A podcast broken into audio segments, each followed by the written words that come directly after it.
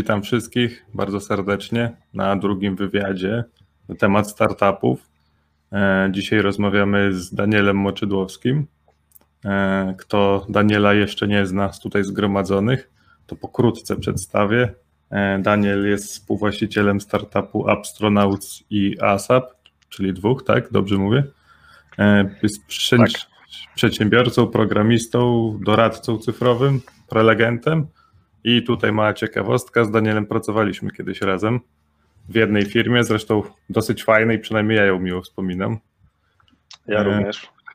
I czy to wszystko, Danielu, czy jeszcze chciałbyś może coś dodać? No, jakiś czas temu odpaliłem jeszcze z wspólnikiem trzecią spółkę, Data Bridge, która będzie jakoś niedługo startowała. Będzie z rynku energetycznego. A poza tym to chyba wszystko by się zgadzało. To super. Wyszło mi, jak się zastanawiałem nad pytaniami na tą rozmowę, mm, że najchętniej bym porozmawiał, no oczywiście o tej podstawowej rzeczy, którą się tutaj ze wszystkimi spotykam, czyli jak wyglądała Twoja droga od programisty do startupu, e, ale też bardzo chętnie bym porozmawiał o tym, bo Ty całkiem długo, nie jakoś bardzo długo, ale całkiem długo pracowałeś również na etacie i, i pomyślałem, że będziesz miał dobry insight, żeby porównać, jak wygląda praca i tu, i tu. Mm, I wy też piszecie, przynajmniej, przynajmniej w Astronauts to zaobserwowałem, że piszecie dużo, e, znaczy używacie dużo technologii, których piszesz kod raz, a możesz używać na różnych platformach. Więc tak troszeczkę bardziej technicznie mhm. bym też może zaatakował w którymś momencie. Pewnie. No jak wystarczy czas, to może trochę o no-code czy coś planujecie, bo to jest mój ulubiony temat na całym świecie, więc wiadomo. Spróbujemy podjąć. Więc zacznijmy od początku, e, bo zawsze jest najtrudniej zacząć, tak przynajmniej mi się wydaje. I sporo osób, w tym oczywiście ja, ma wielkie pomysły w głowie i myśli, że coś sobie by swojego rozkręcił i że to nie może być aż takie trudne. E, no ale podejrzewam, że jest inaczej. I może, żeby na samym jeszcze początku nadać kontekst temu wszystkiemu, to powiedz, e, czym się zajmują te startupy, e, w których działasz obecnie, żebyśmy jakiś kontekst tego wszystkiego mieli. Pewnie. E, Astronauts jest software house'em, który specjalizuje się w aplikacjach mobilnych i teraz trochę jeszcze bardziej weszliśmy w outsourcing pracowników na różne stanowiska. E, Go ASAP, czyli tak w sumie ASAP, o którym wspominałeś, to jest e, taka platforma do łączenia przewoźników z e, klientami. Jakbyś chciał sobie, nie wiem, na przykład przewieźć meble albo jakieś przesyłki ponadgabarytowe, to przez ASAPa możesz spokojnie wysyłać. E, a Data Bridge to projekt z energetyki, który tak naprawdę dopiero startujemy. Będziemy trochę zajmowali się elastycznością cenową, taka dość, dość duża naukowa rozkminka Okej. Okay. Okay. Jesteśmy e... aktualnie w trakcie starania się też o grant z NCBR-u pod tą spółkę, więc tam się dość dużo dzieje, mamy super kadrę naukową. Myślę, że będzie ciekawie w tym roku. Okej, okay. to do, do tego finansowania jeszcze wrócimy, bo Szymon wczoraj w sumie dosyć dużo mówił na temat finansowania i co o tym myśli, więc jestem też ciekawy, co ty o tym myślisz. Ale zanim to, to skąd w ogóle u ciebie pomysł, żeby coś założyć swojego? No bo w sumie tak jak mówię, nie jakoś strasznie długo, ale trochę pracowałeś na etacie, to mogłeś się trochę rozleniwić ewentualnie tam. Kurczę. Powiem ci, że nie mam jakiegoś takiego super love story. Ja mam rodziców, którzy zawsze prowadzili jakiś swój biznes. Radek ma też rodziców, którzy prowadzili swój biznes. Oni akurat dużo, dużo większy i taki naprawdę duży. E, jak poznaliśmy się na studiach, to trochę zakładaliśmy, że nie chcemy iść w żadne biznesy. Mieliśmy wymarzoną ścieżkę, żeby pójść do korporacji popracować sobie, mieć super stanowisko, rodzice będą dumni i tak dalej. E, no i co? Jak to zawsze w życiu bywa, skończyło się na odwrót. E, wszystko zaczęło się u nas w sumie od budowania koparek do kryptowalut a konkretnie do Bitcoina. To było już parę lat temu. E, wszyscy sobie kupowali Bitcoiny i był taki show na to, a my stwierdziliśmy, że damy po prostu ludziom narzędzie do tego, więc zaczęliśmy sobie po godzinach składać koparki. e, je sprzedawać. Szybko postawiliśmy sklep. No i tak, e, że tak powiem, zaczęła się nasza historia. Potem zaczęliśmy interesować się jakimiś projektami już takimi bardziej software'owymi i tak poszło. Nie było jakiegoś takiego, wiesz, nastawienia w nas, że teraz będziemy budować firmę. Trafiliśmy na dobrą okazję. Zaczęli pojawiać się klienci, zaczęły jakieś kontakty się dogrywać i tak pomalutku, pomalutku ruszaliśmy do przodu. Stwierdziliśmy, że, że będziemy sobie to ciągnąć po godzinach no i w końcu doszliśmy do etapu, w którym już nie dało się tego robić i stało się to naszym głównym biznesem. Nie dało się robić po godzinach, tak? Tak, już było na tyle angażujące, już podjęliśmy się tak dużych projektów, że było trzeba się zaangażować na 100%. Mhm. O, jak z Szymonem wczoraj rozmawiałem, to on mówił, że początki to, jak to mówi Elon Musk, że to jest dużo jedzenia szkła. Czy u Was było też tak? Czy, bo tak jak teraz mówisz, to się wydaje, że tak było dosyć płynnie i wyluzowanie. Tak, u nas to ogólnie zgadzam się z tym powiedzeniem. Myślę, że to trochę zależy, co robisz i, i z czym startujesz. U nas to poszło dość płynnie, no bo sami zajmowaliśmy się wytwarzaniem oprogramowania, więc w pracy na co dzień, więc, y, że tak powiem, żeby zacząć, to nie mieliśmy jakiejś dużej bariery przyszedł po prostu fajny projekt, w który postanowiliśmy się zaangażować. Eee, no i tak na początku to my byliśmy największym kosztem tego całego biznesu, nie? który generował od razu cash, więc y, nie było z tym jakichś większych problemów. Byliśmy dwójką młodych chłopaków, do których dołączyła jeszcze Asia, która jest y, naszym wspólnikiem w Astronauts, plus potem dołączył Tomek, więc jest nas aktualnie czwórka. E, no, ja pamiętam, że jak zaczynaliśmy, to, to wydarzyło się tak spontanicznie, że nie byliśmy na to jakoś przygotowani, nie, nie mieliśmy dużego budżetu, oszczędności, poszliśmy trochę na żywioł i się udało. Czyli, czyli finansowanie własne. Tak, tak, tak. Nigdy nie finansowaliśmy się żadnymi zewnętrznymi metodami. Ale to trochę finansowanie własne, a trochę finansowanie klientem tak naprawdę. No bo mówisz, że od samego początku już tam jacyś ludzie się pojawiali, którzy chcieli to kupować. Tak, tak, tak. No, zanim zdecydowaliśmy się, żeby przejść faktycznie e, na 100% do swojej firmy, no to już mieliśmy klientów takich dość dużych, My też zaczynaliśmy w sumie z dość fajnymi markami, bo stawialiśmy kiedyś pierwszy sklep, jeszcze pierwszego bloga Ani Lewandowskiej, potem gdzieś tam po drodze robiliśmy jedną ze stron Martyny Wojciechowskiej, więc trochę się otarliśmy o naszych polskich celebrytów. E, potem e, jednym z naszych takich pierwszych klientów było takie francuskie, francuska korporacja, która zdecydowała się zrobić swój startup no i wtedy tak naprawdę już maszyna ruszyła tak na poważnie. Więc e, finansowaliśmy się mocno tak naprawdę pieniędzmi naszych klientów. Ja akurat mam takie podejście, że najlepszymi inwestorami zawsze są twoi klienci, więc czasami pewnie to niesie ze sobą konsekwencje, że rozwijasz się trochę wolniej, ale jednak masz 100% kontroli nad tym, co się dzieje. No i my tak ruszyliśmy. To teraz od razu mi się nasuwa pytanie, skąd brać takich klientów? Bo to, bo to dla mnie to nie jest w ogóle oczywiste, skąd ci ludzie się biorą. Bo nie byliście jedyną firmą na rynku ogólnie, podejrzewam. E, tak, no na pewno. Myślę, że trochę ten rynek wyglądał inaczej 5 lat temu, o już 6 praktycznie, ale no też było dużo firm, dużo większych od nas. Na pewno dużo zależy od e, tego, jak dobrą robotę robisz na co dzień, no bo jak robisz dobrą, to zaczynasz złapać kontakty. No i w naszym przypadku kontakty zadziałały. Ktoś nas gdzieś polecił, całkiem, że tak powiem, niepozornie.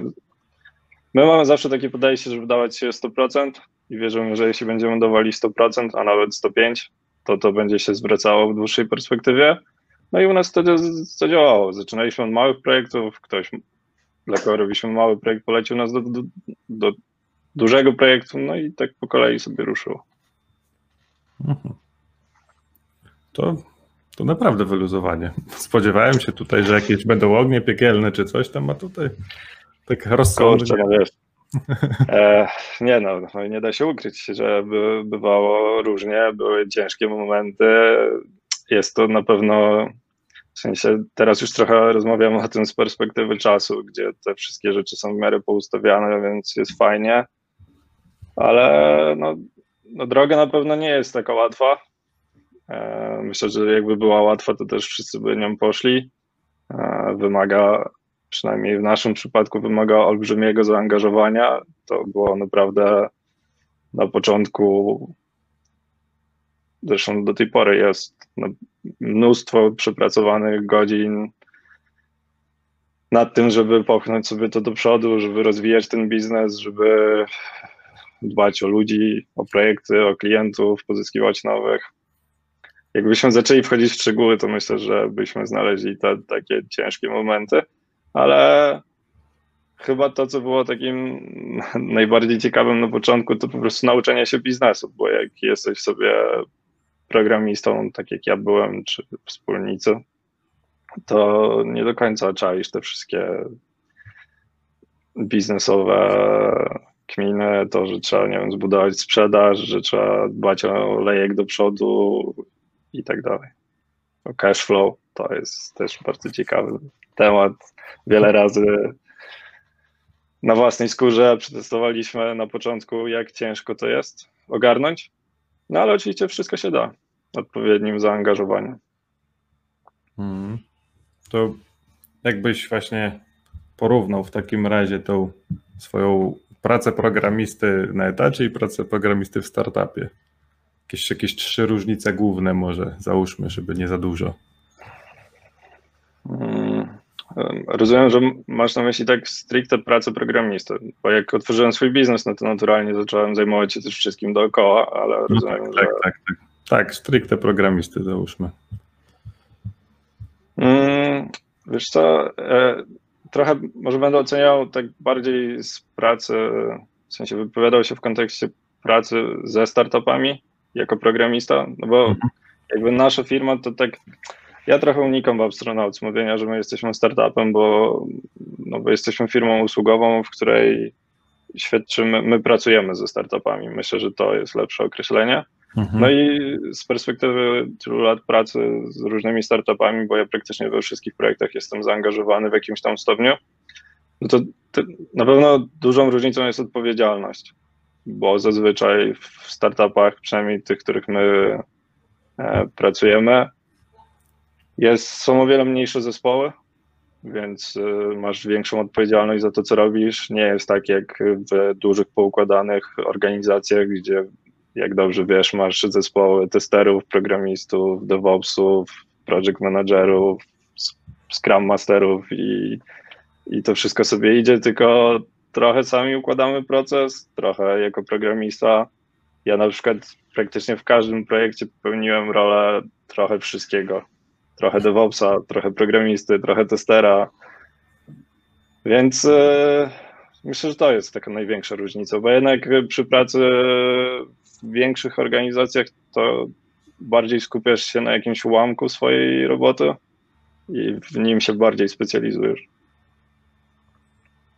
Łatwiej, czyli startupy produkują full stacków, można powiedzieć, a korporacje ekspertów albo ultra ekspertów ewentualnie. Nie, od, nie odbierałbym startupom oczywiście a, nie, no, budowania tak, ekspertów, no. ale myślę że, myślę, że w tą stronę bym poszedł hmm. zdecydowanie. Bo tak jak z Szymonem też wczoraj rozmawiałem, to mm, tam wyszło w sumie, że startupy nie są do końca miejscem dla takich ludzi, co dopiero zaczynają, bo tak jak mówisz, trzeba mieć szerokie spektrum i jeszcze trzeba najlepiej na czymś się znać dobrze, przynajmniej dobrze, żeby to jakoś pchać do przodu, no bo w startupie na pewno też nie ma takich budżetów, nie wiadomo jak wielkich, żeby to wszystko ciągnąć i, i jeszcze pewnie czasu też nie ma, e, żeby podszkalać, no bo zatrudnić juniora tylko po to, żeby się sam nauczył, to też jest bez sensu. No, e, powiem Ci, że to ciekawe pytanie. Wczoraj trochę słuchałem rozmowy i też się nad tym zastanawiałem, nie ukrywam. E, wydaje mi się, że gdybyś zapytał mnie, będąc właścicielem startupu, czy powinieneś zatrudniać na przykład juniorów, to bym powiedział, że nie. Albo przynajmniej wstrzymać się z tym do pewnego momentu skali. No bo jednak jak zaczynasz, to zależy ci, żeby pracować z najlepszymi, no bo oni pomagają pchać wszystko do przodu. I faktycznie to jest taki kluczowy moment, w którym ciężko poświęcić i wygospodarować odpowiednią ilość czasu dla osoby uczącej się, ale z drugiej strony, jeśli jesteś tą osobą uczącą się, to myślę, że w startupie masz okazję naprawdę nauczyć się wielu rzeczy, których w dużo szybszym tempie. Jeśli bardzo ci na tym zależy, jesteś zaangażowany w pracę i poświęcisz się w tym temacie, to myślę, że, że naprawdę sporo możesz się nauczyć, sporo szybciej, no ale też pewnie jak sam wiesz, dużo zależy od zespołu, w którym pracujesz. No tak, oczywiście tak. Eee, bo tutaj właśnie też chciałem zapytać o jakieś takie kluczowe umiejętności, które tobie się wydają potrzebne, żeby w ogóle rozważać pracę w startupie jako programista. No i już powiedziałeś tutaj o dużym zaangażowaniu. Eee, czy może coś jeszcze? Mm, Wiesz co, wydaje mi się, że trochę tak jak patrzę z perspektywy czasu i trochę osób, z jakimi pracowaliśmy, tych startupów i tak dalej, to wydaje mi się, że dość właśnie istotną kwestią jest zaangażowanie i trochę to, jak człowiek sobie wyobraża swoją pracę, no bo jak pracujesz w startupie, to przynajmniej z tych, z którymi ja pracowałem, naprawdę ciężko o taką pracę ósma, szesnasta, wiesz, otwierasz kompa, zamykasz kompa i cię nie ma. I wiesz o tym, że masz dużą organizację i że w sumie nic się nie stanie, no bo jeśli masz trzyosobowy zespół, no to, to po prostu nie ma tego backupu, nie? Ty jesteś tym backupem i ty musisz gdzieś tam się wykazać, no bo jeśli pomagasz współtworzyć startup, no to też czujesz się za niego w jakimś stopniu odpowiedzialny.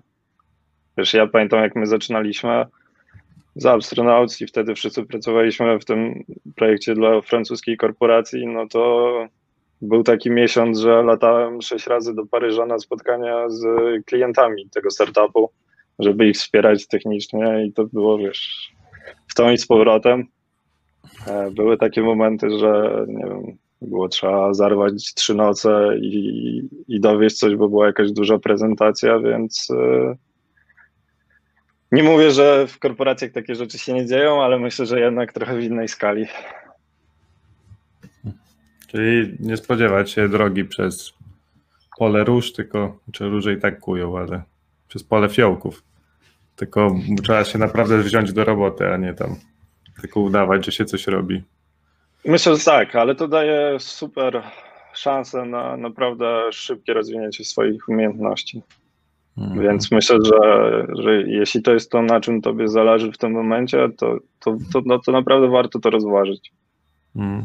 No tutaj się też zastanawiam, takie mi coś wpadło do głowy, że czy nie ma takiego niebezpieczeństwa, no bo właśnie najlepiej do startupu, żeby byli ludzie zaangażowani, tacy, co naprawdę biorą odpowiedzialność na siebie i tak dalej i oni to pomogą zbudować i sobie wewnątrz zobaczą, jak to wszystko wygląda, to chyba łatwo też sobie mogą stwierdzić, że no dobra, no to teraz ja zrobię coś swojego, bo ileż ja będę dla tego Daniela pracował. W szczególności, że już wszystko wiem. No, to na pewno, wiesz, myślę, że często się też pojawia takie myślenie trochę w stylu, że e, kurczę, jak ja już wszystko wiem, a to wszystko tak sobie śmiga, to co ja tu będę sobie siedział i oni będą na mnie zarabiać, jak ja sobie sam otworzę biznes i będę zarabiał. To takie myślenie na pewno się pojawia, ale z drugiej strony też jak widzisz, jak to wszystko się buduje, to masz trochę większą, e, też trochę zależy od tego, jak ludzie prowadzą ten startup, ale ja zazwyczaj mam styczność z takimi, którzy bardzo otwarcie mówią o wszystkim w firmie, no więc też trochę jesteś bardziej świadomy tych rzeczy biznesowych i zaczynasz trochę rozumieć, jak ciężko zbudować, nie wiem, skuteczny kanał sprzedażowy, jak zbudować sobie lejki sprzedażowe, jak yy, zająć się marketingiem i widzisz to o wiele bliżej, co to naprawdę znaczy, nie? No bo ja pamiętam, że jak wyszedłem z pierwszej pracy, gdzie byłem programistą, to dla mnie naprawdę nic poza programowaniem się nie liczyło. Tak, ja nie, nie byłem za bardzo świadomy, że w tej całej firmie to jest jeszcze, nie wiem, marketing, księgowość. No, oczywiście spotykałem tych ludzi, ale jakby ciężko było mi sobie wyobrazić, jak ciężkie to jest. Pamiętam, że wtedy byłem młody, buntowniczy i sobie myślałem, kurczę, programiści to ta, my to wiesz, no w tej firmie naj, najważniejsi, tak? Be, be, bez nas to w ogóle firma pada. No a potem trochę życie zweryfikowało i szybko zauważyłem, że tak nie jest. No bo jak nie ma sprzedaży, to nie ma pieniędzy, jak nie ma pieniędzy, to nie ma budżetu na programistów, jak y, nie ma obsługi klienta, to jest problem z, z, dobrymi opiniami o produkcie, który robisz. No i wtedy znowu nie ma klientów, więc nie ma budżetu i takie trochę zamknięte koło. Więc y, przez te lata na pewno trochę więcej zrozumiałem. No i myślę, że jednak osoba, która pracuje w startupie, ma większą szansę poznania tego od podszewki. Mhm. A właśnie, jak, bo z tego co zrozumiałem, to wy się tego wszystkiego uczyliście na bieżąco. A myśleliście w którymś momencie, że może warto właśnie jako wspólnika dobrać kogoś, kto się na tym zna? Typu jakiegoś, nie wiem, sprzedawcę albo marketingowca. W sumie nie wiem, co by było ważniejsze na samym takim początku, czy bardziej marketing, czy sprzedaż?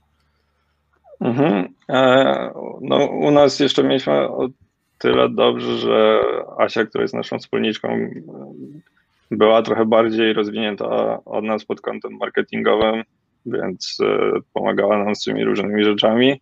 Ale oczywiście było tak. My w ogóle mieliśmy tak dużo różnych pytań, które pojawiały się w trakcie prowadzenia biznesu przez te lata, na początku się zastanawialiśmy, na początku było super, jak zawsze, potem było trochę gorzej, bo było trzeba ten cashflow przypilnować, było trzeba zadbać, pojawiło się więcej ludzi, potem się pierwszy raz pojawiły przystoje w projektach, więc było trzeba zacząć budować lejki. E, w pewnym momencie się zastanawialiśmy, czy nie powinniśmy na przykład pójść do jakichś dużych korporacji i pobudować sobie siatkę networkingu, Potem właśnie, żeby dobrać wspólnika, który już, e, że tak powiem, ma tą siatkę networkingu. Takie pytania myślę, że się pojawiały, pojawiają i będą się zawsze pojawiały, no bo zawsze szukasz jakichś możliwości dodatkowych na, na wygenerowanie nowych leadów. Mhm. A, a jaki masz właśnie, jakby wracając do tego, co wcześniej mówiłem, do jaki masz stosunek do finansowania bo to mówiłeś, że ty jesteś za tym, żeby to klienci finansowali, ale być może są za duże projekty na to, żeby to inwestować. No teraz też mówisz, że ten data bridge, tak, być może będzie tak. jakoś finansowany zewnętrznie. Mhm. Właśnie od czego to zależy, jakbyś, nie wiem, no bo ja na przykład nie wiem, to pewnie ludzie, którzy nas słuchają, też do końca nie wiedzą, nie? kiedy można się i powinno się oprzeć na klientach, a kiedy to raczej nie da rady w ten sposób podejść do tematu. Specjalnie założyłem taką koszulkę z napisem to zależy. I dokładnie tak jest. E, wiesz co, nie ma na to jakiejś jednej uniwersalnej odpowiedzi. Myślę, że to dużo zależy od tego, po pierwsze, jaki masz próg wejścia w swój biznes. Czy na przykład możesz zacząć w miarę, tak jak my zaczęliśmy, no to dla nas największym kosztem byliśmy my sami, nie? no więc e, było nam relatywnie łatwo zacząć i spróbować co innego, jak na przykład odpalasz biznes i musisz e, zbudować sobie, nie wiem, cały produkt od zera, nie? gdzie na przykład jego koszt na start jest bardzo duży. No i wtedy już ciężko pewnie to finansować klientami. Ja z perspektywy czasu nadal uważam, że, że najfajniej jest się bootstrapować, zacząć sobie okroić sobie funkcjonalności, złapać trakcję i powoli to rozwijać, ale jeśli na przykład widzisz że na rynku masz unikalną szansę, bo na przykład jesteś pierwszy ze swoim rozwiązaniem, e, masz już zwalidowanych klientów, widzisz, że to wszystko idzie do przodu, no i chcesz zająć strategiczną pozycję, no to wtedy warto rozważyć moim zdaniem finansowanie zewnętrzne. E, w tym projekcie Data Bridge, który będziemy realizować, tu z kolei jest tak, że zaczynamy bardzo duży temat, w której potrzebujemy dużo osób z jednostek naukowych, będziemy współpracowali pewnie z dwoma albo trzema uniwersytetami, no i jakby ten budżet na start już jest bardzo duży, potrzebny, żeby to wszystko zapiąć. E, więc tutaj będziemy próbowali w tą stronę pójść. Myślę, że każda z rzeczy też niesie ze sobą jakieś konsekwencje. Wszystko w życiu przychodzi z jakąś ceną. Pytanie tylko jaką.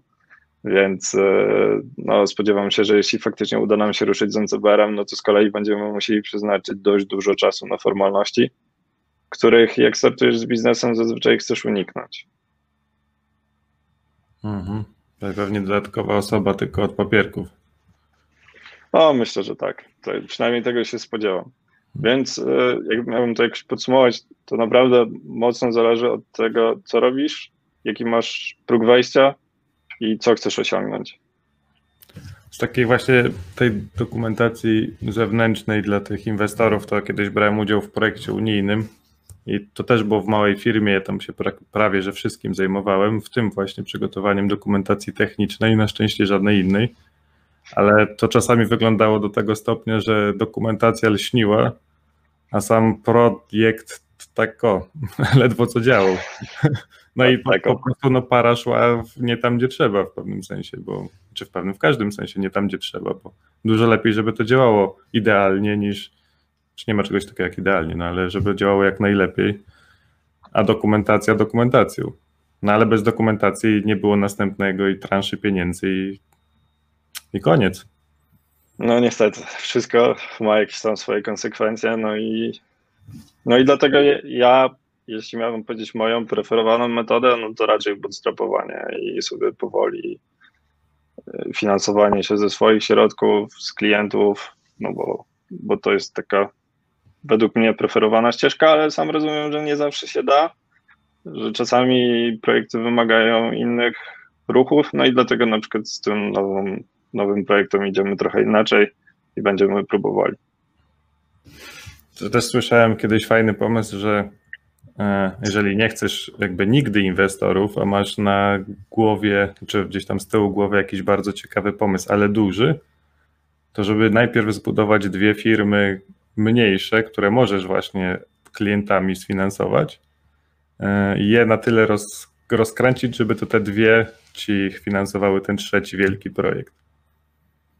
No, ja myślę, że to jest bardzo ciekawe podejście.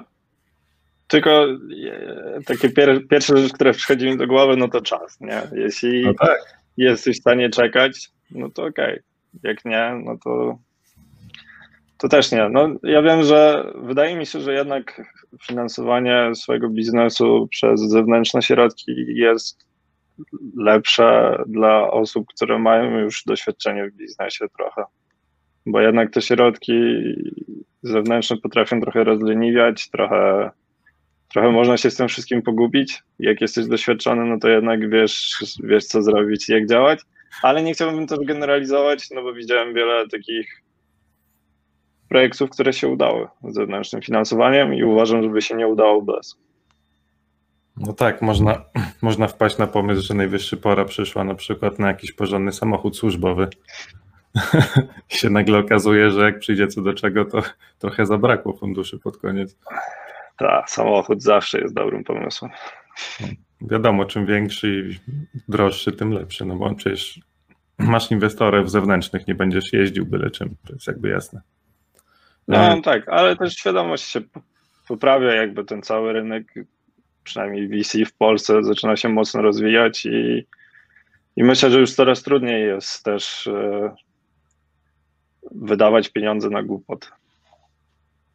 No tak, to Szymon właśnie mówił o tym, że jak jeszcze kilka lat temu było stosunkowo prosto znaleźć inwestora, to teraz inwestorzy już się bardzo znają na tych, na, no w ogóle na świecie IT wiedzą, widzą od razu, czy coś w ogóle jest sens tam nawet milion złotych włożyć, czy nie. E, mm, prawda.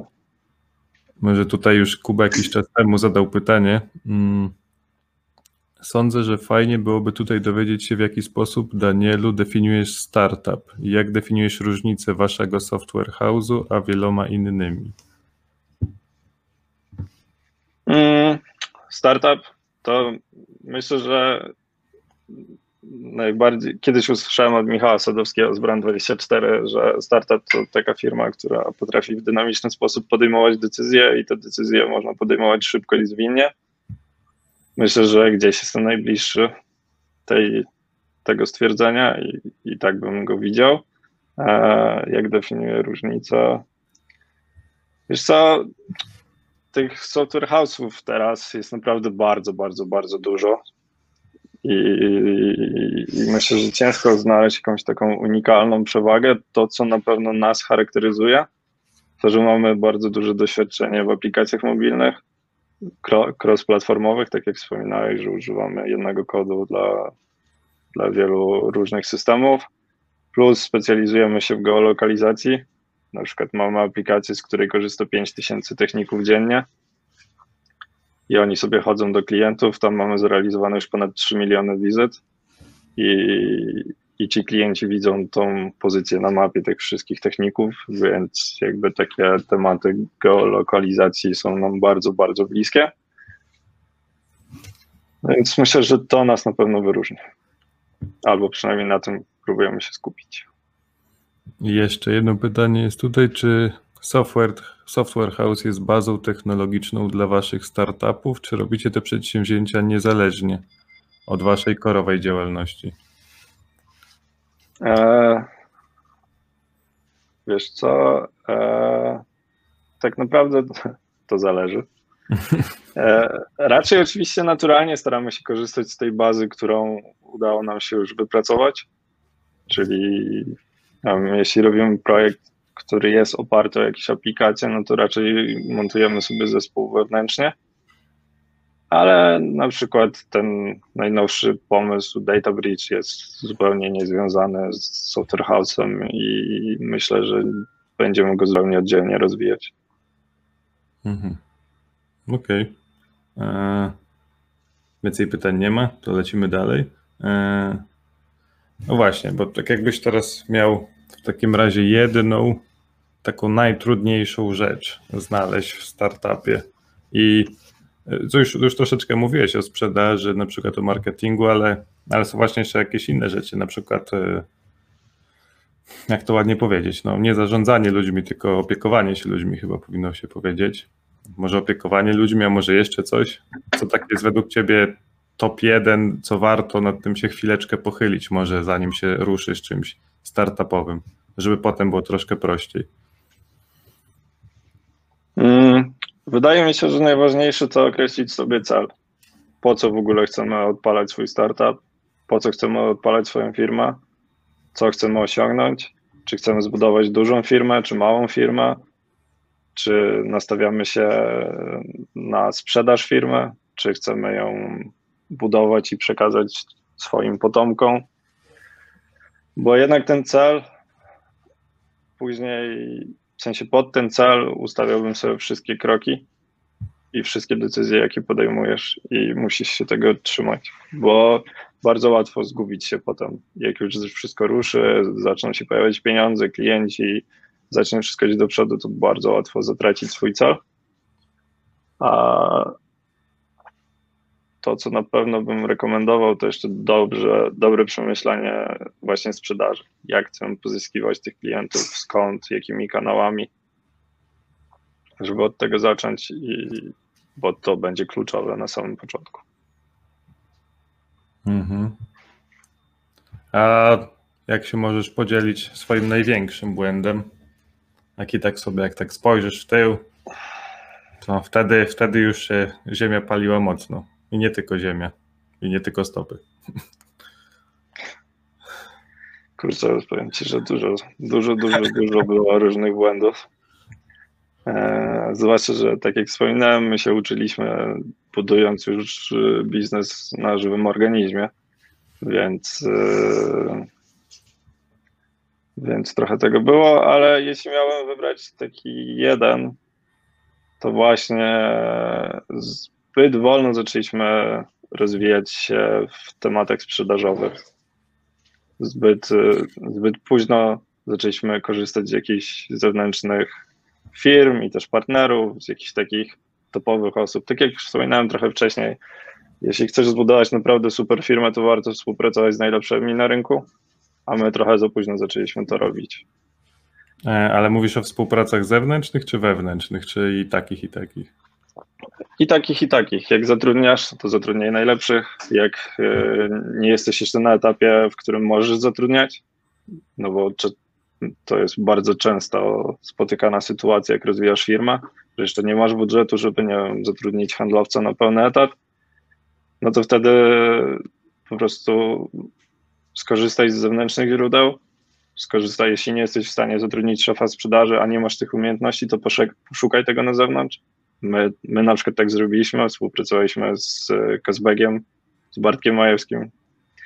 On naprawdę nam wiele rzeczy uświadomił i poustawiał i, i to było dla nas na przykład ważny moment, taki przełomowy. Myślę, że gdybyśmy zrobili go dużo wcześniej, to też byśmy byli już dużo dalej do przodu niż jesteśmy teraz.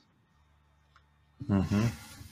To właśnie jeszcze to mi coś przyszło do głowy a propos tych celów, no, bo tak jak mówisz, jak sobie nie określisz celu, jaki powinien być, to też to jest duża prawda, że właśnie nawet pod tym względem to nie wiadomo, czy e, bo jest taka książka, która się bardzo dziwnie nazywa, ale jest w sumie bardzo fajna. E, jak zdobyć bogactwo Felixa Denisa. Nie wiem, czy miałeś okazję, ale ona, ona ma bardzo zły tytuł, ale to jest antyporadnik, w sumie bym powiedział.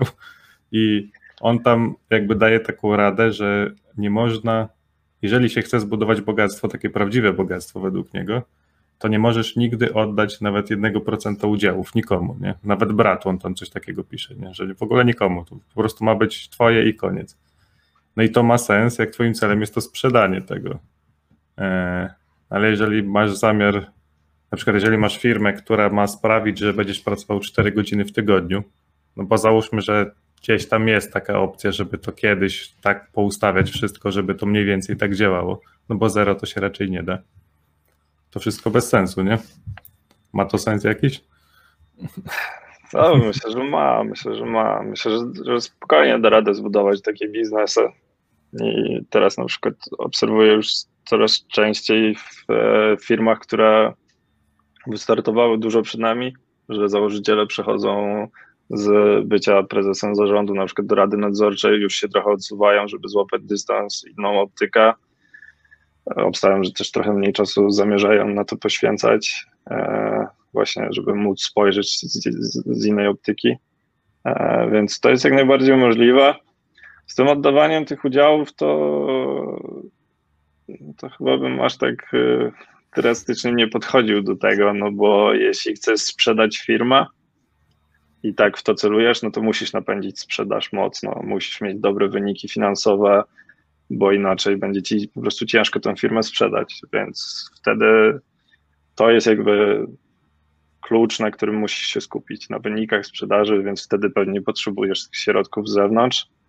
No chyba, że masz mega dochodowy biznes, który ma ze super mega marżę i możesz sobie to sam finansować. Wiesz, trochę ciężko zbudować dział sprzedażowy i napędzać go liczbami, jak nie masz na to budżetu. No, tak jakby, no bez pieniędzy to nic się nie da zrobić, się obawiam, albo prawie nic. E... Tak, jeszcze nawiążę może do, do, tego, co mówiłem wcześniej, bo tak mi teraz przyszło do głowy, że często jak się zaczyna biznes, to się wpada trochę w taką pułapkę, że kurczę, nie mam biznesu, nie mam e, budżetu, więc e, nie wiem, może zatrudnię trochę mniej zaawansowaną osobę, bo na taką osobę mam budżet. Trochę, nie wiem, douczę ją. Trochę wpadasz w taką, wiesz, pułapkę, że sobie myślisz, kurczę, zatrudnię kogoś, szefa sprzedaży i ja go douczę, ale ty tego nie umiesz, nie? Więc trochę, bo trochę sobie myślisz, kurde, no już trochę ciągnę ten biznes, wiem jak sprzedawać, trochę projektów się sprzedało, ale to nie w tą stronę. To moim zdaniem to jest właśnie takie przepalanie budżetu, powinieneś poszukać sobie najlepszej osoby na rynku, jaką jesteś w stanie znaleźć, i to ona ma przyjść i ciebie ciągnąć do przodu, a nie wiesz, ty ją. A jeśli nie masz budżetu na taką osobę, to po prostu znajdź zewnętrzne firmy.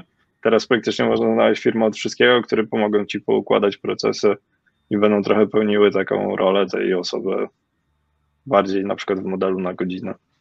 Mhm. No to właśnie się zawsze zastanawiałem, czy takiego No bo ja, ja tych jakby świata tych y, sprzedawców i marketerów takich topowych to w ogóle nie znam i się zastanawiałem, czy jest w ogóle opcja, żeby ściągnąć jakiegoś takiego bardzo dobrego sprzedawcę, czy tam kierownika sprzedaży, e, bez dawania mu udziału w firmie. Czy to jest w ogóle możliwe? Albo jakiegoś, nie wiem, procentu od sprzedaży, czy w ogóle tacy ludzie istnieją, co po prostu biorą pensję i tyle, bo tak jakoś mi to nie pasuje do, do sprzedawców. E, mi się wydaje, że, że te osoby istnieją, przynajmniej na tyle, na ile ja wiem, ale jednak dość mocno, dość często jest to utożsamiane właśnie z procentem od sprzedaży, jakimiś premiami albo udziałami. Wiesz, no, znowu, trochę wszystko zależy od tego, co chcesz osiągnąć, w jakim czasie, jaki jest cel, no bo, no bo czasami warto podzielić się udziałami, jeśli faktycznie masz super osobę i wiesz, że jest bardzo zaangażowana, warto nagradzać tych ludzi, motywować ich, a takie rzeczy naprawdę motywują. Ale przestrzegam, trzeba robić to bardzo rozważnie. No bo udziały jest łatwo oddać, ale potem je odzyskać już nie jest tak łatwo. Mhm. No tak, e, bo, bo, to jest takie e, myślenie, mi to też jakoś dopiero niedawno zarezonowało odpowiednio w głowie, że być może oddajesz komuś 10% na przykład e, zysków, załóżmy, czy tam przychodów, ale ta osoba ci powiększyła sprzedaż o 5 razy, więc i tak jest wszystko w porządku, tak, no bo, bo tak się umawialiście i wszyscy są szczęśliwi, bo ty masz więcej pieniędzy, on ma potencjalnie dużo więcej pieniędzy, więc wszyscy są zmotywowani, żeby dalej działać. No, tak, tak uważam, wiesz, to jest jeszcze trochę. E, zazwyczaj jest tak, że jeśli ma, w sensie powinieneś chcieć pracować z najlepszymi ludźmi na rynku. No i to jest trochę tak, że jak ty zaczynasz budować biznes, no to to nie jest tak, że ci ludzie chcą do ciebie przyjść, bo ci ludzie mają co robić. Oni, nie wiem, raczej ciężko znaleźć taką osobę, bo na przykład się do ciebie zgłosi przez stronę pracuj.pl, nie? To są ludzie, jeśli ktoś jest najlepszy, to nie ma czasu. Danielu, że otworzyłeś nową firmę, pozwól, że ci pomogę. tak, z chęcią do ciebie przyjdę. No ci ludzie są bardzo zajęci i to raczej ty musisz przed nimi pitchować i ich namawiać do tego, żeby oni do ciebie przyszli, oni muszą zaufać w twoją wizję. No i wtedy też trochę inaczej się już rozmawia. Hmm. Same problemy z tymi startupami, ci powiem. Same problemy.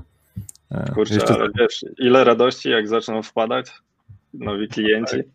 No tak. My kiedyś, mogę jeszcze przytoczyć taką historię, kiedyś e, na początku Astronauts odpaliliśmy taki biznes websterzy i chcieliśmy robić stronę dla klientów w modelu abonamentowym. Czyli żeby, wiesz, jak wiem, ktoś ma salon kosmetyczny na przykład i nie chce wydać, nie wiem, 5 tysięcy na stronę, to robiliśmy to w modelu takim, że sobie płaci tam, nie wiem, 50 zł miesięcznie i ma jakąś podstawową stronę, a my się tym wszystkim zajmujemy. No i powiem Ci, że jak odpaliliśmy pierwszy landing sprzedażowy i jak ktoś nam stąd polecił, chyba mieliśmy artykuł o nas było na Startup Poland, to jak zaczęły nam lidy wpadać, to nie wiedzieliśmy, którędy ich obsługiwać, bo ja miałem dwa telefony przy uchu, nasi, moi wspólnicy też po dwa, jeszcze na czatach siedzieliśmy na stronie i wiesz, jest to strasznie duża satysfakcja. Mhm. No i ale dalej to ciągniecie, czy się okazało, że to... Nie, tamten biznes szybko padł. Szybko, szybko życie zweryfikowało, że ten model jednak nie jest najlepszy i, i też trochę nie było takiej przyszłości w tym. W sensie po prostu liczby się nie, nie, nie spinały i widzieliśmy większy potencjał w Astronauts, więc w to się zaangażowaliśmy. Ale była to dla nas niesamowicie cenna lekcja. Mhm. I to, to, to, o, to może być taka fajna konkluzja, że warto próbować. I jak ktoś chce odpalać biznesy, to niech próbuje, niech odpali cokolwiek, niech wystawi pięć pierwszych faktur i niech zobaczy, czy to dla niego. Bo to zazwyczaj szybko się weryfikuje. Mhm. Albo tutaj jeszcze właśnie Kuba pyta, czy podzieliłbyś się, jak zdobyłeś pierwszego klienta, ile czasu to zajęło? Pierwszego, najpierwszego, pamiętasz? Każdy startupowiec pamięta swojego pierwszego klienta? Myślę, że tak. No. U nas to były rekomendacje. Ktoś nas polecił dalej i tak do nas przyszedł ten klient. My musieliśmy dobrze sprzedać się na spotkaniu, co nam się udało. Wykazaliśmy się dużą wiedzą. Wtedy już e, to trochę też to, co mówiłem na samym początku, że jeśli pracujesz na co dzień, na przykład jako programista i dajesz siebie mnóstwo zaangażowania i chcesz zdobyć super skilla, no to ludzie cię zaczynają polecać. I też masz dużo do powiedzenia, do pokazania. My poszliśmy na, pamiętam jak dzisiaj to pierwsze spotkanie sprzedażowe, poszliśmy i my znaliśmy praktycznie odpowiedzi na wszystkie pytania klienta, nie? więc on był tym tak zafascynowany, a jeszcze widział w nas to duże zaangażowanie. Trochę się śmiał, że widzi w nas to samo, co widział w sobie, jak zaczynał tam, nie wiem, 20 lat temu. Widzi ten sam spirit, więc yy, myślę, że to jest na, naj, najlepsza odpowiedź. A, a te rekomendacje to jakby skąd? Bo tutaj było raczej tak, że, hmm, że jakiś znajomy powiedział, bo znał właśnie jakiegoś człowieka, który ma firmę i on mu powiedział przy piwie, że oj słuchaj, bo muszę coś tam zrobić, a on mówi, a ja znam takiego programistę Daniela i on ci to pewnie ogarnie, podejrzewam. To tak jakoś było, czy jakoś inaczej? Co, e, chyba akurat piwa tam nie było, bo ktoś e, ogłosił, ktoś chyba na Facebooku napisał wtedy, że kogoś szuka i jeden z naszych znajomych nas polecił, bo akurat mu pomagaliśmy w jakimś innym temacie, więc trochę tak lawinowo poszło. Mhm. mhm. To, to, jakby to najbardziej można uprościć, rób dobrą robotę, a to wszystko do ciebie wróci. O tak, przynajmniej powinno tak być. A to na pewno tam odrobinkę szczęścia też gdzieś tam musi zawsze się pojawić. Przynajmniej ona przyspiesza. Niekoniecznie coś zmienia, ale na pewno przyspiesza. Jeszcze mamy chwilkę. To... Zobacz, jak no. Sorry, zobacz, jak e, ja pamiętam, jak pracowaliśmy razem w pracy, to była moja pierwsza praca, do której poszedłem na początku drugiego roku studiów i dla mnie to była magia. Wtedy nikt u nas nie pracował na studiach. Ja, wszyscy się na mnie patrzyli jak na wariata ze studiami dziennymi, a śmigałem jeszcze do pracy na tam jakąś część etatu.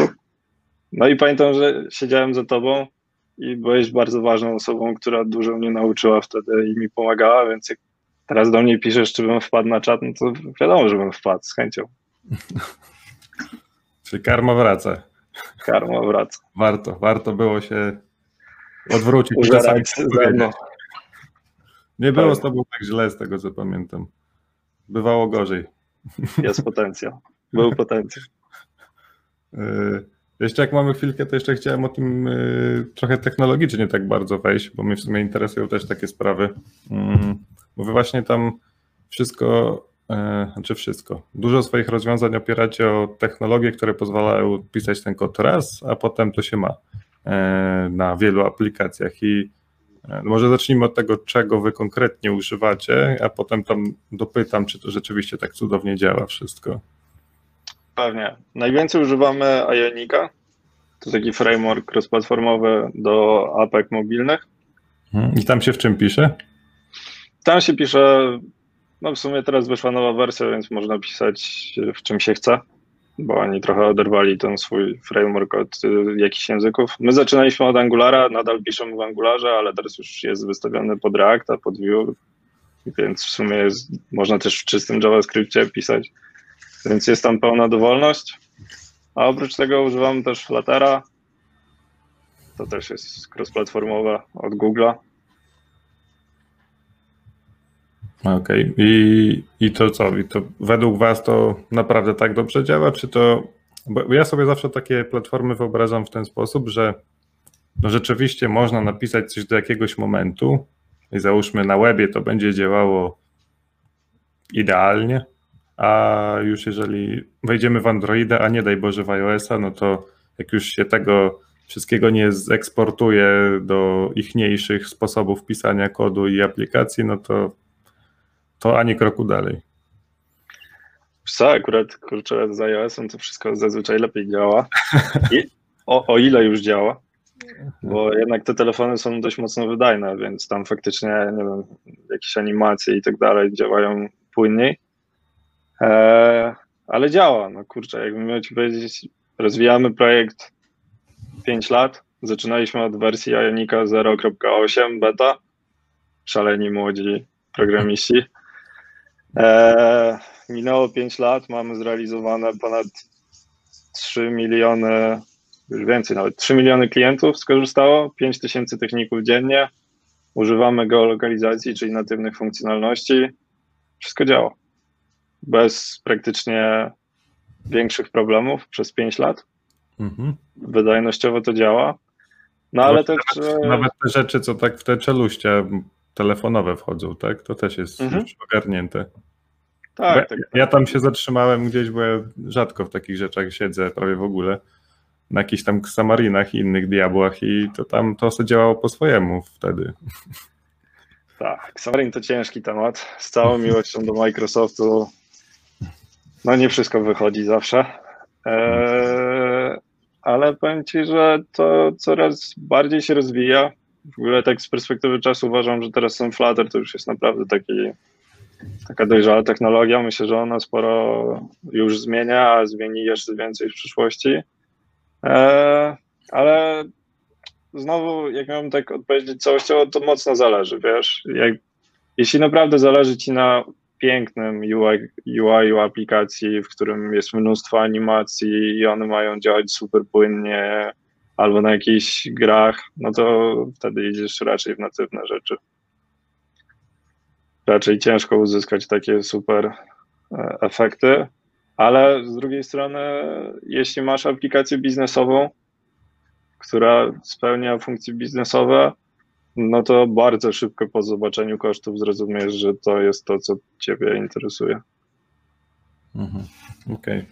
Okay. Bo to też mnie właśnie się zastanawiam, czy to, jest fajny pomysł, żeby. No bo właśnie wy, wy tego sporo używacie, tych takich cross-platformowych rozwiązań.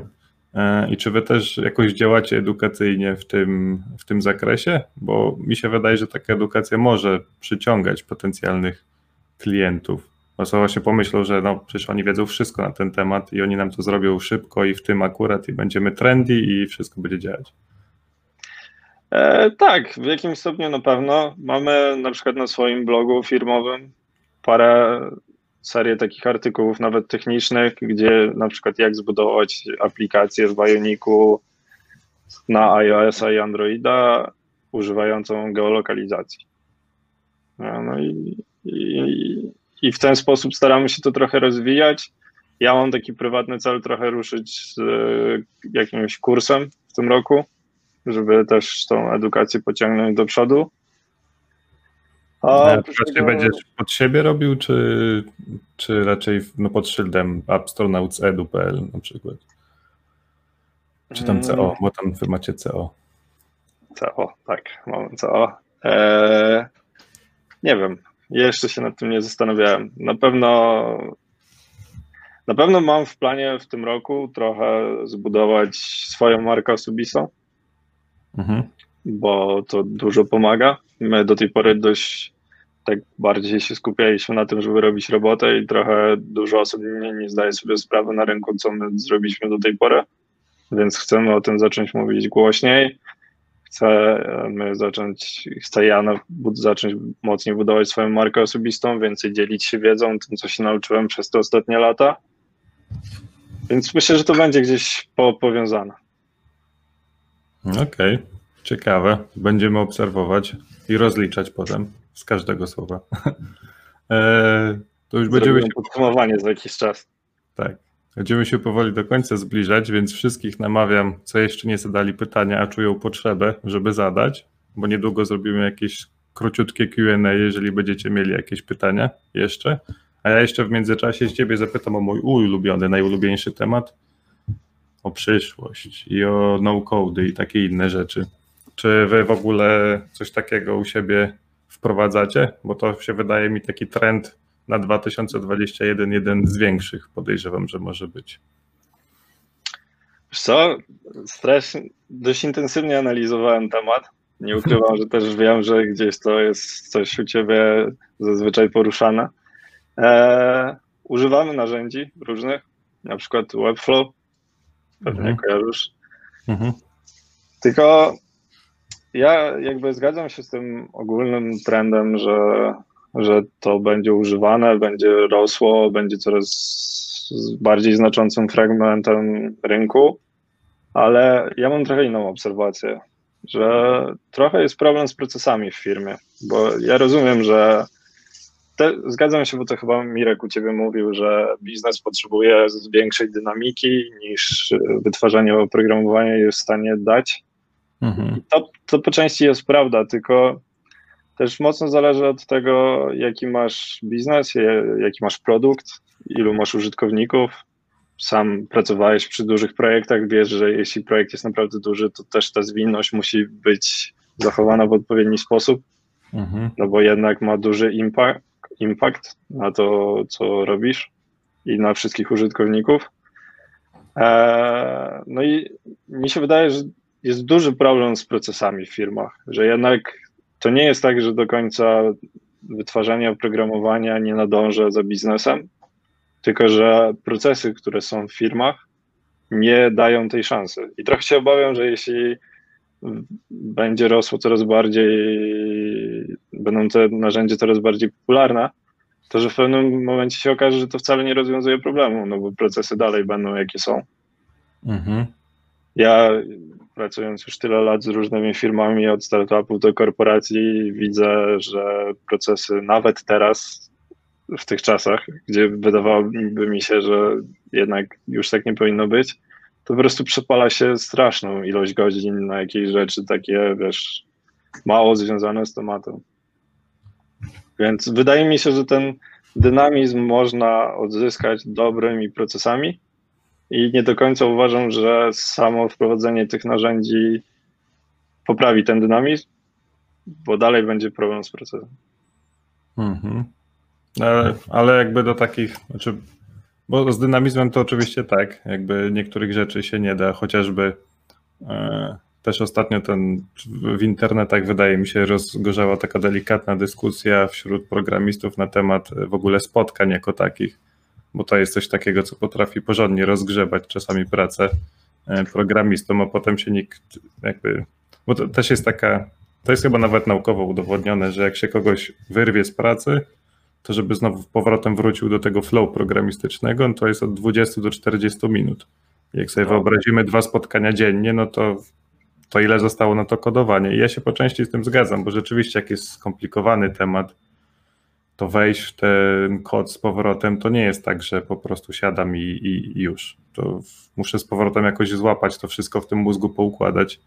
No bo niektóre rzeczy, które robimy, są naprawdę skomplikowane. To nie jest tak. E, no są wiadomo proste rzeczy i są nieproste rzeczy. Ciężkie.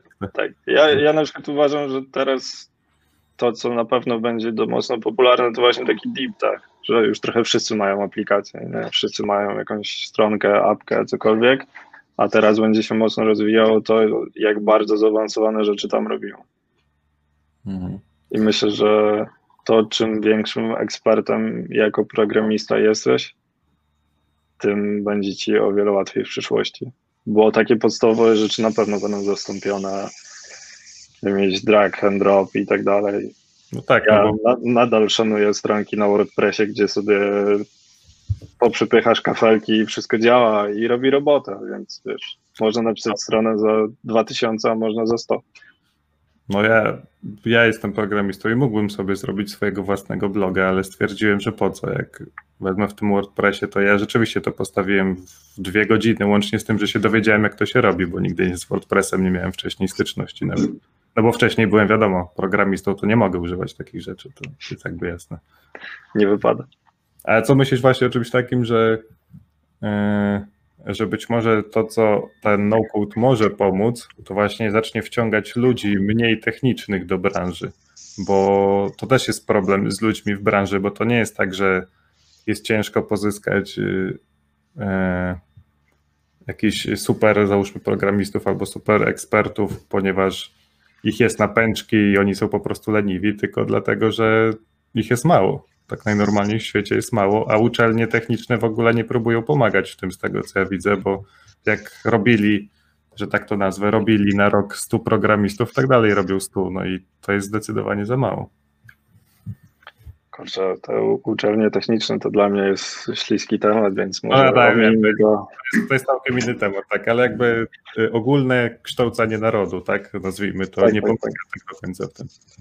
E, Pewnie. Ja myślę, że, że w pełni się z Tobą zgadzam, że to otworzy nowe możliwości i że to pójdzie trochę w tą stronę, tylko też zobacz teraz w drugą stronę. Ja pamiętam, jak ja zaczynałem, to był zupełnie inny próg wejścia w bycie takim programistą. Musiałeś umieć trochę więcej rzeczy, w mojej ocenie. Teraz to jest bardziej tak podzielone na dużo segmentów, nie? Na frontend, backend, DevOps, w backendzie też już pomału się dzieli to na różne inne stanowiska. I z, ja widzę mocny trend już od dwóch lat, gdzie na przykład ci ludzie, o których wspominasz, którzy nie mają dużo doświadczenia technicznego albo wykształcenia, co wcale nie jest złe, według mnie spoko, e, wchodzą do tej branży. Wchodzą w takie role na przykład e, frontend dewelopera albo tak bardziej na przykład do kodowania jakichś w HTML-u rzeczy i coraz więcej tych osób się pojawia na rynku. Coraz ciężej jest na rynku znaleźć osobę, która nie wiem, e, ma takie pełne wykształcenie techniczne, umie, zna podstawy, nie wiem, algorytmów, e, tych wszystkich rzeczy, których uczysz się, struktur danych, których uczysz się na studiach. Raczej to są takie osoby, które, wiesz, na przykład skończyły prawo i teraz stwierdziły, że zmienią swoją karierę. Ja sam znam takie osoby, u nas też takie osoby pracują, pracowały i uważam, że robią super robotę, ale to, co jakby chciałem zaznaczyć, to, że to już się dzieje, nie? Już nawet w tych narzędziach aktualnych. Hmm. To ja też kiedyś y, rozmawiałem chyba z jakimś, y, już nie pamiętam, chyba to było z właścicielem firmy, w której tam pracowałem przedostatnio, czy przed przedostatnio, już tak dokładnie nie pamiętam jak to było. I on coś kiedyś takiego właśnie jej powiedział, że bo on, on miał wykształcenie, on był tym takim jednym z pierwszych programistów, ja to lubię nazywać, czyli tych jeszcze w latach 70., a może nawet wcześniej. I on właśnie coś bardzo mądrego powiedział, że kiedyś programista potrafił wszystko, a teraz to wy już nic nie potraficie zrobić, nie? I to wi- wiadomo, że to jest też tak, że to wszystko poszło trochę do przodu i wszystkiego się nie da umieć, no bo się nie da, no bo niby jak. E, ale chyba po prostu chodziło mu o to, że wcześniej programista był full stackiem jakby z definicji. On mógł się na czymś lepiej znać oczywiście, ale potrafił zrobić wszystko od A do Z, a teraz właśnie to się zaczyna rozmywać według mnie. To już nie jest takie oczywiste, że właśnie kogoś posadzisz i on, no wiadomo, że nie zrobi idealnie albo najszybciej na świecie, ale zrobi od A do Z. W pełni się z Tobą zgadzam. Ja jak zaczynałem, to w ogóle nie wiedziałem, że jest taki podział. To może brzmieć trochę śmiesznie z perspektywy czasu, a nie jestem też jakimś dinozaurem, ale serio, no, pamiętam, zresztą moją pierwszą pracą była ta, w której pracowaliśmy razem. No i tam ja nawet nie wiedziałem, czy ja przyszedłem na. Wiedziałem, że na programista, a co będę robił, to się dowiedziałem już yy, pierwszego dnia pracy, no i robiłem w sumie wszystko i w bazach danych, i w backendzie, i we frontendzie, Hmm. Tak było. co, co dało mi dużą wiedzę na przyszłość. Dobre czasy, dobre czasy. Pozdrawiamy firmę Finder, której już nie ma. Teraz Oj tak, y, ja jeszcze Teraz pozdrowię Kubę Jałbrzykowskiego, który był super szefem i popchnął mnie do przodu. tak jest, pozdrawiamy. Pozdrawiamy również I- Kubę. Tak? I może, myślę, że możemy sprzedać jedną historię, że kradł nam myszki, myszki, żebyśmy używali klawiatury bardziej wydajnie. Było tak, było tak. Visual Studio na poziomie Pro miał być, a nie jakimś tam klikaniem, nie wiadomo co. Ta myszka to nie dla programistów. Mm, tak było. Dobre czasy. Dawno to było, ale dobre czasy. A teraz widzisz, za myszkę Apple płacisz z pięć paczek. No to teraz to opłacałoby się kraść myszki. I opłaca się umieć bez. Tutaj mamy jakieś pytanko, więc jeszcze zadam. To już będzie chyba pod koniec, chyba że ktoś jeszcze bardzo szybko zada. Jaki pierwszy krok polecasz dla programisty, który zrobił już sobie SaaS, MVP? Kilka osób to widziało. Można powiedzieć, że paru znajomych z tego korzysta. Jak rozumiem, pewnie Marcin chce iść dalej. I co by teraz mógł uczynić? Hmm. No jak już ma MVP i nawet parę znajomych z tego korzysta, no to próbowałbym to sprzedawać. To jest, a, to jest rozwinięcie, czy sprzedawać na własną rękę, szukać sprzedażow osoby od sprzedaży, firm, która się tym zajmie. E, wiesz co, no, tak też e, ciężko strzelać na ślepo, nie wiedząc co to robi, ale proponowałbym ci na przykład e, pomyśleć, czy są jakieś, e, nie wiem, jeśli targetujesz jakąś specjalną grupę ludzi, no to wtedy uderz do różnych miejsc, w których ci ludzie się gromadzą, żeby jak najszybciej dotrzeć do jak największej ilości osób, nie? Jeśli oni, nie wiem, mają jakieś swoje meetingi, spotkania, grupy, albo na przykład pracują w jakiejś organizacji, to postaraj się uderzyć jakby tak odgórnie do tych organizacji, bo wtedy dotrzesz do jak największej grupy, no i od razu polecam ci podpinać płatności i, i już generować sobie z tego jakiś cash, skoro działa. No i tak jak wczoraj jeszcze, jeżeli mogę coś dodać, to z Szymonem, jak wczoraj rozmawialiśmy, że social media teraz są całkiem niezłym miejscem na takie rzeczy i wbrew pozorom to wszystko też zależy oczywiście, co robisz, bo jak to jest y, oprogramowanie dla, dla ludzi, których nie ma w social media z różnych powodów, no to będzie ciężko trafić, ale jest mnóstwo grup tematycznych na Facebooku, chociażby. Y, Instagram coraz lepiej działa, LinkedIn to już w ogóle tam on jest mocno biznesowy i tam można dużo ludzi trafić, więc. Pewnie. Quora też jest fajna, tam dużo się udziela, teraz Polska jest też bardzo aktywna. I to też wszystko zależy, jak chcesz to sprzedawać, ale takim e, czymś, ja ogólnie nie mam nic z polecenia tego, ale jest coś takiego jak jeden koszyk się nazywa i tam można bardzo prosto spiąć płatności. Tam subskrypcji chyba nie, nie zepniesz, mi się wydaje, ale, ale takie pojedyncze sprzedaże to najszybciej z tym ruszysz. Nie musisz nic sam pisać po prostu. I to a propos no-code, po prostu sobie coś tam bierzesz i, I działa. Dwie rzeczy i działa. I działa, po prostu działa.